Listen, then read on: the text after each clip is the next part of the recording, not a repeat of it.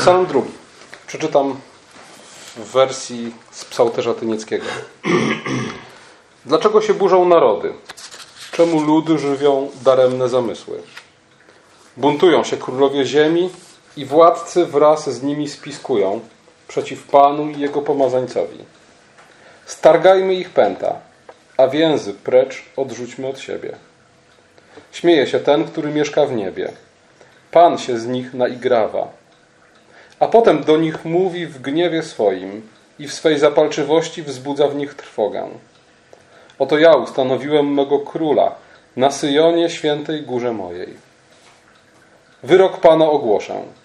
On rzekł do mnie: Tyś jest moim synem. Ja dzisiaj zrodziłem ciebie. Żądaj, a dam ci w dziedzictwo narody i krańce ziemi w posiadanie twoje. Żelazną rózgą będziesz nimi rządził, skruszysz ich jak gliniane naczynie. A teraz, królowie, zrozumcie. Nauczcie się, sędziowie ziemi.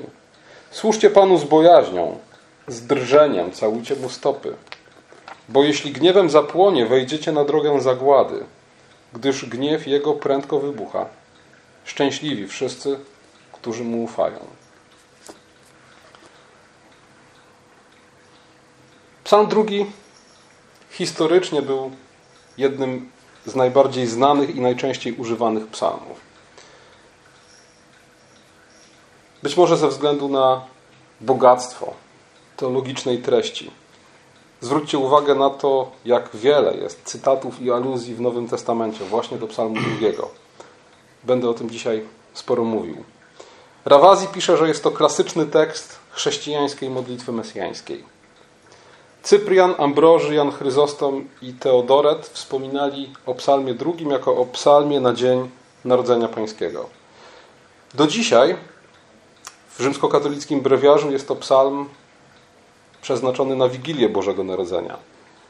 W najbardziej znanej zachodniej, najbardziej znanym zachodnim kalendarzu liturgicznym, kalendarzu, który luteranie stosują do dziś, a Kościół rzymskokatolicki stosował do Soboru Watykańskiego II, psalm drugi śpiewany był właśnie w dzień Narodzenia Pańskiego. Co ciekawe, w prawosławiu jest to psalm śpiewany w liturgii paschalnej, dlatego że cytowany jest w Nowym Testamencie w dziejach apostolskich właśnie w kontekście zmartwychwstania Chrystusa. W rzymskokatolickim brewiarzu, poza czterotygodniowym rytmem, w którym odmawia się cały psałterz, psalm drugi obecny jest i w Wielki Piątek, i w Wielkanoc, i w święto Chrystusa Króla. Z kolei Justyn Męczennik wymienia psalm drugi jako składnik liturgii chrzcielnej. Krótko mówiąc, jeden z najbardziej znanych, jeden z najczęściej czytanych i śpiewanych historycznie psalmów. Współcześnie mam wrażenie, że obserwujemy spadek popularności psalmu drugiego, bo nie przypominam sobie, abym kiedykolwiek w kościołach ewangelicznych słyszał w jakiejkolwiek wersji śpiewany psalm drugi, bądź też cokolwiek na podstawie psalmu drugiego. E, oprócz oczywiście psalmu drugiego z psałterza poznańskiego, który śpiewamy wspólnie. Dlaczego psalm drugi stracił na popularności? Mam nadzieję, że postaram się na to pytanie odpowiedzieć. O czym mówi psalm drugi? Psalm drugi składa się z czterech strof. Pierwsza opowiada o buntowniczym spisku narodów przeciwko Bogu i Jego pomazańcowi. W drugim jest reakcja, opisana reakcja Boga, Jego odpowiedź na ten bunt. W trzecim Bóg oddaje głos swojemu pomazańcowi. Boży pomazaniec, Boży Mesjasz odczytuje swój królewski dekret. I wreszcie czwarta zwrotka jest wezwaniem buntowników do nawrócenia. W pierwszej zwrotce narody i ich przywódcy powstają, knują i spiskują przeciwko Bogu. Taki powszechny bunt. Bunt, który dokonuje się na wszelkie sposoby, otwarcie i potajemnie. Nie jest dla nas zaskoczeniem. Wiemy, że taki właśnie jest obraz ludzkości w stanie grzechu. List do Rzymian w rozdziale pierwszym od 21 wersetu opisuje to szaleństwo buntu. My, którzy poznaliśmy Boga, bo Bóg nam się objawił, my, którzy doświadczyliśmy wszystkich Jego dobrodziejstw, zamiast okazać wdzięczność, wykorzystujemy każdą sposobność do tego, aby się przeciwko Niemu zbuntować. Każdy powód, aby stanąć przeciwko Bogu. Taki jest obraz ludzkości w stanie grzechu. Bunt jest naturalną reakcją upadłego człowieka na jakąkolwiek próbę zaprowadzenia Bożych porządków. I o tym mówi Psalm drugi. Bóg zaprowadza swoje porządki na ziemi, reakcją na to jest bunt narodów. List do Rzymian znowu, rozdział 7 od 8 wersetu. Tam apostoł Paweł opisuje tą właściwość, tą prawidłowość. Na przykładzie prawa i ludzkiej natury. Ludzka natura skażona grzechem znajduje się w takiej kondycji, że kontakt z Bożym prawem, kontakt z Bożym porządkiem, zamiast prowadzić człowieka do zbawienia, zamiast prowadzić człowieka do Boga, staje się bodźcem i podnietą dla grzechu. W efekcie prawo Boże staje się zgubą. To, co miało być ku żywotowi, jest ku śmierci. I słuchajcie, tutaj widzimy paradoks i słabość czegoś, co nazywamy cywilizacją chrześcijańską. Im więcej Bożego porządku zaczynamy wprowadzać w sprawy tego świata, tym bardziej narasta bunt kamiennych serc. Tym bardziej narasta bunt ludzi, którzy z Chrystusem nie mają nic wspólnego. Sukces cywilizacji chrześcijańskiej powoduje proporcjonalną do tego sukcesu reakcję w postaci buntu tych, którzy tych porządków nie chcą, którzy z Chrystusem nic wspólnego nie mają. I znowu, tak jak w przypadku zetknięcia się wymagań Bożego prawa z ludzką naturą, tak tutaj to, co dobre, staje się pułapką i zgubą. Stąd bardzo często podkreślamy, że jedyną drogą do zaprowadzenia chrześcijańskiej cywilizacji jest najpierw głoszenie Ewangelii. Dopiero wtedy, kiedy Ewangelia trafi do ludzkich serc, przebudowa struktur tego świata ma jakiekolwiek szanse trwałego powodzenia. W tej pierwszej zwrotce psalmu uwypuklona jest też bardzo takie jaskrawe oszustwo grzechu, które sprowadza się do tego, że Boże prawo, Boże panowanie postrzegane jest jako jarzmo i kajdany. Ci buntownicy wołają do siebie: zrzućmy z siebie ich pęta, zrzućmy ich kajdany. Warto też zwrócić uwagę na to, że ten gniew narodów, o którym mowa w Psalmie drugim, w pierwszym wersecie, pojawia się też w Księdze Objawienia, w 11 rozdziale, 18 wersecie.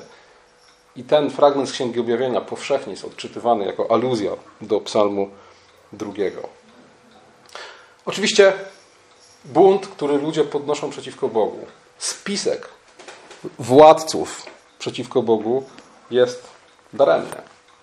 I o tym też Psalm drugi mówi. Darem, daremnie knują, nic z ich knowań nie wynika.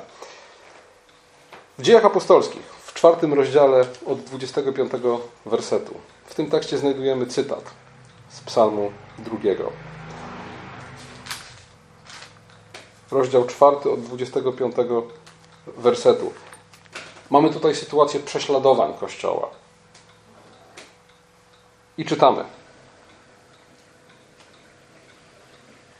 Gdy zaś apostołowie zostali zwolnieni, przyszli do swoich i opowiedzieli wszystko, co do nich mówili arcykapłani i starsi. Ci zaś, gdy to usłyszeli, podnieśli jednomyślnie głos do Boga i rzekli: Panie, Tyś, Ty, któryś stworzył niebo i ziemię, i morze, i wszystko, co w nich jest, któryś powiedział przez Ducha Świętego, ustami ojca naszego Dawida, sługi Twego, czemu wzburzyły się narody, a ludy myślały o próżnych rzeczach, Powstali królowie ziemscy i książęta zebrali się z połem przeciw Panu i przeciw Chrystusowi Jego. Zgromadzili się bowiem istotnie w tym mieście przeciwko świętemu Synowi Twemu, Jezusowi, którego namaściłeś, Herod i Poncjusz Piłat z poganami i plemionami izraelskimi, aby uczynić wszystko, co Twoja ręka i Twój wyrok przedtem ustaliły, aby się stało. Tym wersecie i w sposobie, w jaki apostołowie używają psalmu drugiego, widzimy dwie rzeczy. Po pierwsze, bezskuteczność knowań narodów. Daremnie knują, bo ich knowania ostatecznie czynią to, co Bóg zamierzył. Ostatecznie zmierzają do tego, aby Jego wola wypełniła się we wszystkim. I to jest pierwszy nowotestamentowy komentarz do psalmu drugiego. Tak, miał rację psalmista mówiąc, że knują daremnie, bo cokolwiek by zamierzyli, Bóg wykorzysta to do swoich celów. Cokolwiek by zamierzyli, zrealizują w ten sposób Boży plan. I druga rzecz, która od razu jest tutaj widoczna, Kościół to dalszy ciąg tej samej historii. ten bunt przeciwko Panu i pomazańcowi, te daremne knowania narodów, one nie skończyły się wraz z przyjściem Chrystusa. One trwają i tak jak daremne były, tak daremne pozostają. Druga zwrotka. Bóg odpowiada. Widzimy, że reakcją Boga jest drwina. Pan się z nich naigrawa, śmieje się z nich. Tak mówi psalmista. Dlaczego? Dlatego, że bunt narodów przeciwko Bogu przypomina taki bunt dwulatka przeciwko rodzicom. Dziecko nic nie jest w stanie bez rodziców zrobić. Nie zadba o siebie w żaden sposób. Nie, nie jest w stanie zapewnić sobie ani dachu nad głową, ani wyżywienia, ani czegokolwiek innego. A mimo to próbuje się buntować i w swojej naiwności zakłada, że pokrzyżuje rodzicom wszystkie ich plany życiowe. Stąd ta reakcja, stąd ten bunt wywołuje śmiech. Bóg przemawia, drżą narody. Boża odpowiedź sprowadza się do tego, że Bóg nic sobie nie robi z buntu, wydawałoby się potężnych władców. On robi swoje, realizuje swoje plany, ustanawia swoje królestwo. I po tej proklamacji ustanowienia królestwa Bóg oddaje głos pomazańcowi królowi. Kim jest ten król? Do kogo w psalmie drugim Bóg mówi synem moim jesteś, dziś cię zrodziłem. Tu oczywiście nie ma wątpliwości, że to jest Chrystus. Te słowa cytowane są w dziejach apostolskich w 13 rozdziale, 33 wersecie. I co ciekawe, w kontekście zmartwychwstania. Jako jeden z dowodów z Pisma na to, że Chrystus zmartwychwstał. A więc Chrystus jest Synem Bożym i ustanowionym przez Niego Królem Wszechświata, co swoje potwierdzenie znalazło w Jego chwalebnym zmartwychwstaniu. Te słowa cytowane są też w liście do Hebrajczyków w rozdziale pierwszym, wersecie piątym i w rozdziale piątym, wersecie piątym. I tutaj z kolei cytowane są w kontekście najwyższej godności, jaką Bóg obdarzył Chrystusa, stawiając go ponad aniołami, ponad systemem kapłańskim Starego Przymierza. Te same słowa, czy też aluzja do nich, znajduje się w Ewangelii Mateusza w trzecim rozdziale, 17 wersecie i analogicznych tekstach z Marka i Łukasza, które mówią o chrzcie Chrystusa. Bo kiedy Chrystus wychodzi z wody, wtedy rozlega się głos. Ten jest mój syn umiłowany. Jego słuchajcie. I podobnie jak w psalmie syn przemawia. I znowu aluzja Ewangelii Mateusza w rozdziale 17, wersecie 5 i analogicznych tekstach z Łukasza, które mówią o przemienieniu pańskim. Tutaj znowu, kiedy Chrystus został przemieniony wobec apostołów, rozlega się głos: Ten jest mój syn umiłowany. Bóg zwraca się do swojego pomazańca: Jesteś moim synem, dzisiaj cię zrodziłem. Bóg zwraca się w ten sposób do Chrystusa. Tak mówi o Chrystusie, tak mówią o Chrystusie dzieje apostolskie, tak mówi o Chrystusie list do Hebrajczyków. Tak mówi Bóg do swego syna w dniu jego chrztu i w dniu jego przemienienia. Wniosek z wszystkich tych tekstów może być tylko jeden. Nadeszło Królestwo Boże. Jak mówi Ewangelia Mateusza w 12 rozdziale, 28 wersecie. A więc Nowy Testament mówi nam o wypełnieniu tego, czego zapowiedzią jest Psalm drugi. To, co w Psalmie drugim jest prorocką zapowiedzią, to w Nowym Przymierzu jest rzeczywistością. Bóg ustanowił swojego króla na Syjonie. Królestwo Boże przyszło do nas. Bóg zwrócił się do swego syna. Jesteś moim synem, gdzieś cię zrodziłem. Oddał mu głos. Teraz on ogłasza swoje królewskie prawo i zaprowadza swoje panowanie na ziemi. Proś mnie, mówi Bóg do swojego syna w psalmie drugim, a dam ci w dziedzictwo narody. I wypełnieniem tego jest oczywiście ewangelizacyjna misja Kościoła i jej owoce. Narody poddawane są w dziedzictwo Chrystusowi. I widzimy w liście do Hebrajczyków, że Nowy Testament patrzy już na tę obietnicę jako na coś, co się dokonało. W liście do Hebrajczyków w pierwszym rozdziale, drugim wersecie czytamy, że Bóg ustanowił Chrystusa dziedzicem wszech rzeczy. Psalm drugi używa jeszcze dwóch obrazów tego Chrystusowego panowania. Pierwszym obrazem jest żelazna rózga, czy żelazne berło, które pojawia się również w objawieniu. Drugi rozdział, 27 werset, 12 rozdział, 5 werset, 19 rozdział, 15 werset. które jest symbolem tego, że władza Chrystusa nad narodami jest niekwestionowana. Chrystus trzyma narody mocną królewską ręką. I wreszcie jest też odwołanie do glinianych naczyń. Tutaj mamy podobny obraz w liście do Rzymian w dziewiątym rozdziale, gdzie władza, jaką Bóg sprawuje nad każdym człowiekiem, przyrównana jest właśnie do władzy, jaką, glin, jaką garncarz ma nad gliną i naczyniem, które z tej gliny powstaje.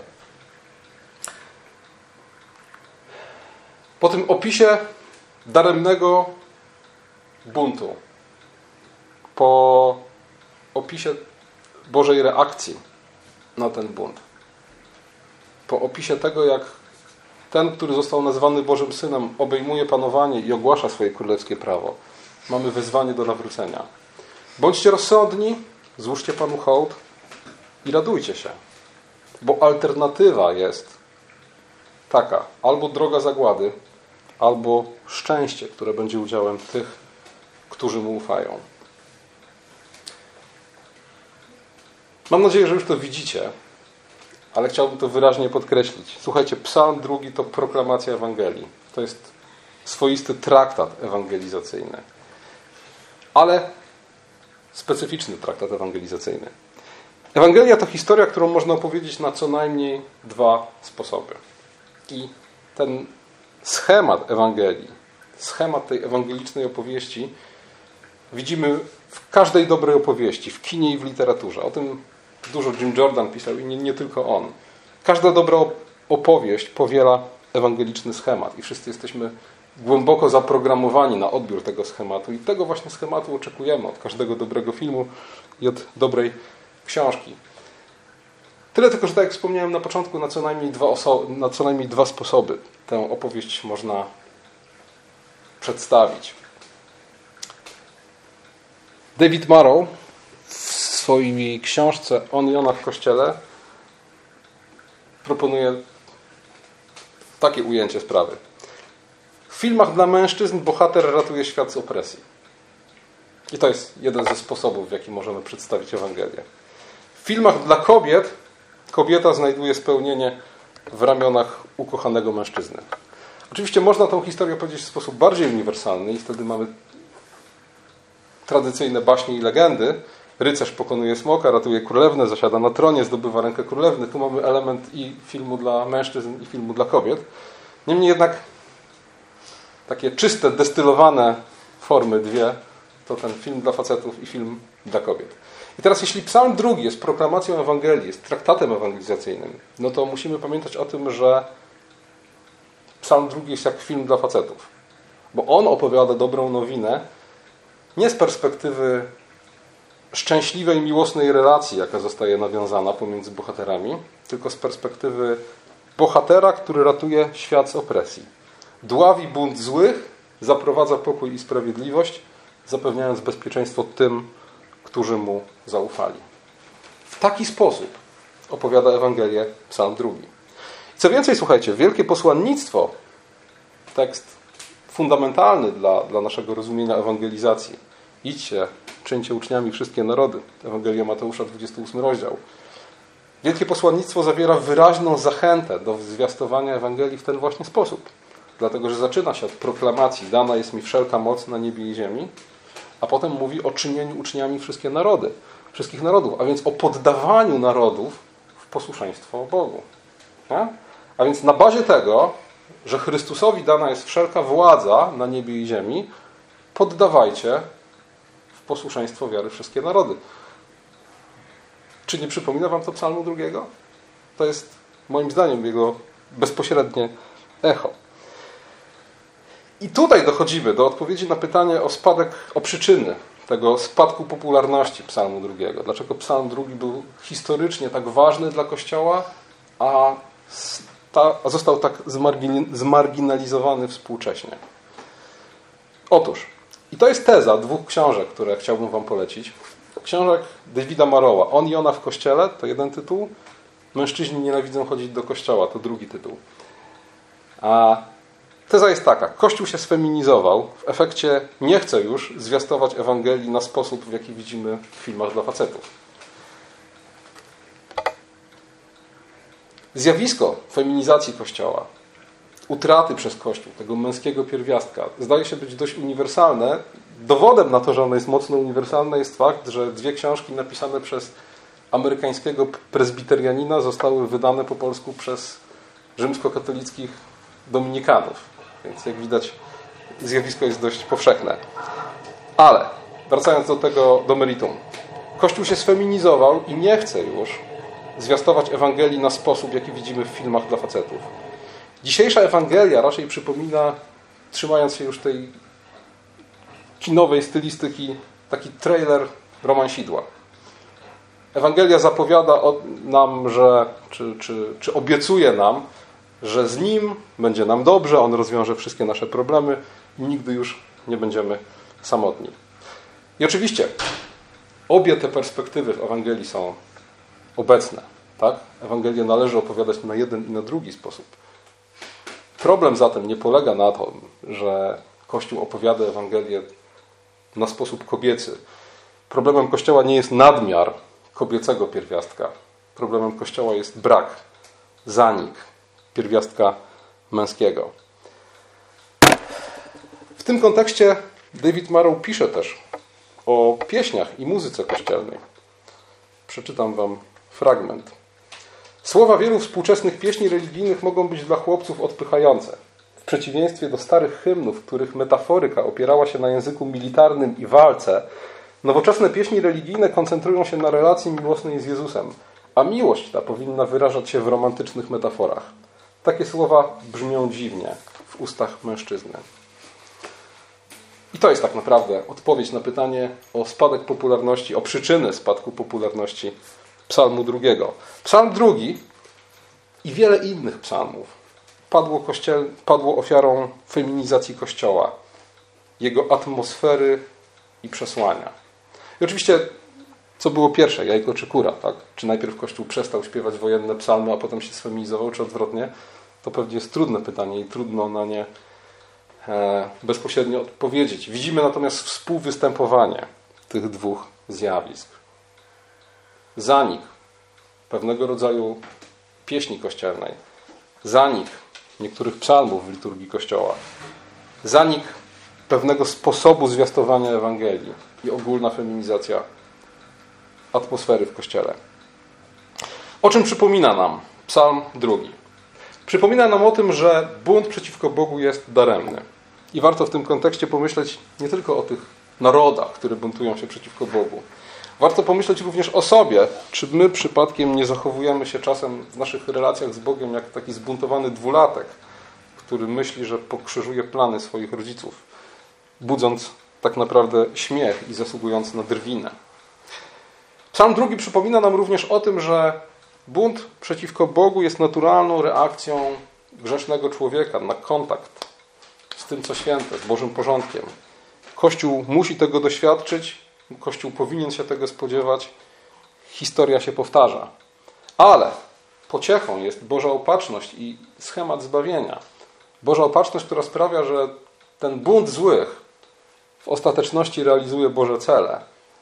A poza tym ten bunt jest też elementem schematu odkupienia. Bunt, upadek, odkupienie, odnowienie. Psalm drugi przypomina nam, że Ewangelia jest fundamentem chrześcijańskiej kultury i cywilizacji.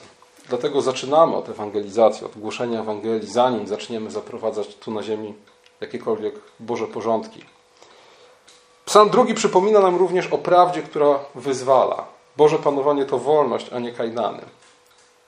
Buntownicy postrzegają w Bożym panowaniu kajdany, zniewolenie. Ale tak naprawdę Biblia przekonuje nas o tym, że jest dokładnie odwrotnie. Boże panowanie to wolność. Podczas kiedy społecznie najgorszy rodzaj niewoli to jest władza tego, kto nie uznaje Boga nad sobą, a w moim osobistym życiu najgorszą niewolą są głęboko zakorzenione nawyki grzechu. Psalm drugi przypomina nam o tym, że kiedy Bóg przemawia, buntownicy drżą. Że Ewangelia to nie jest ani atrakcyjna oferta, ani nieśmiała propozycja. To jest królewski dekret. Chrystus nie przychodzi do nas jako kandydat w wyborach, który będzie się do nas przymilał, składając obietnice i prosząc, abyśmy go wybrali. On przychodzi jako król i ogłasza swoją wolę. Bóg nie liczy się z buntownikami. On po prostu ustanawia swoje królestwo. Zbyt często mamy w oczach obraz bezradnego Boga, któremu albo bunt narodów, albo słabość Kościoła, albo jakiekolwiek inne okoliczności przeszkadzają w realizacji wspaniałych planów. Bardzo często patrzymy sobie na ten świat taki zły i myślimy sobie, no gdyby nie ci zbuntowani grzesznicy gdyby nie ten słaby Kościół, to przecież Bóg ma tak wspaniałe plany dla całej ludzkości. Bóg ma swoje plany, ale w realizacji tych planów nie przeszkadzają w żaden sposób ani zbuntowane narody, ani słaby Kościół. Wszelka władza jest w rękach Chrystusa, nawet jeśli tego nie widzimy. Berło żelazne, gliniane naczynia. Te dwa obrazy powinny nam przypominać o tym, że Chrystus panuje niepodzielnie nad narodami, a my w Jego rękach jesteśmy jak gliniane naczynia, niezależnie od tego, czy jesteśmy zbuntowanymi narodami, czy Jego dziećmi. Warto też pamiętać o tych słowach, które Bóg kieruje do swojego Syna w psalmie drugim. Proś mnie, proś mnie, a dam Ci w dziedzictwo narody. Te słowa przypominają nam o tym, że drogą do tego, aby Boże panowanie objawiało się na świecie, drogą do tego, aby ludzkie serca przemieniane były przez Ewangelię, a Boży porządek zapanował tutaj na świecie, jest modlitwa. A więc oprócz tego wszystkiego, o czym mówiłem dotychczas, psalm drugi powinniśmy też czytać i śpiewać jako wezwanie do modlitwy o Chrystusowe panowanie. I wreszcie psalm drugi przypomina nam o tym, że Ewangelia to ultimatum. Ewangelia to jasna alternatywa. Śmierć dla tych, którzy trwają w buncie. Szczęście dla tych, którzy zaufają Chrystusowi. Dlatego powinien traktowany być jako psalm bojowy Kościoła i śpiewany zwłaszcza w kontekście ewangelizacji, w kontekście misji.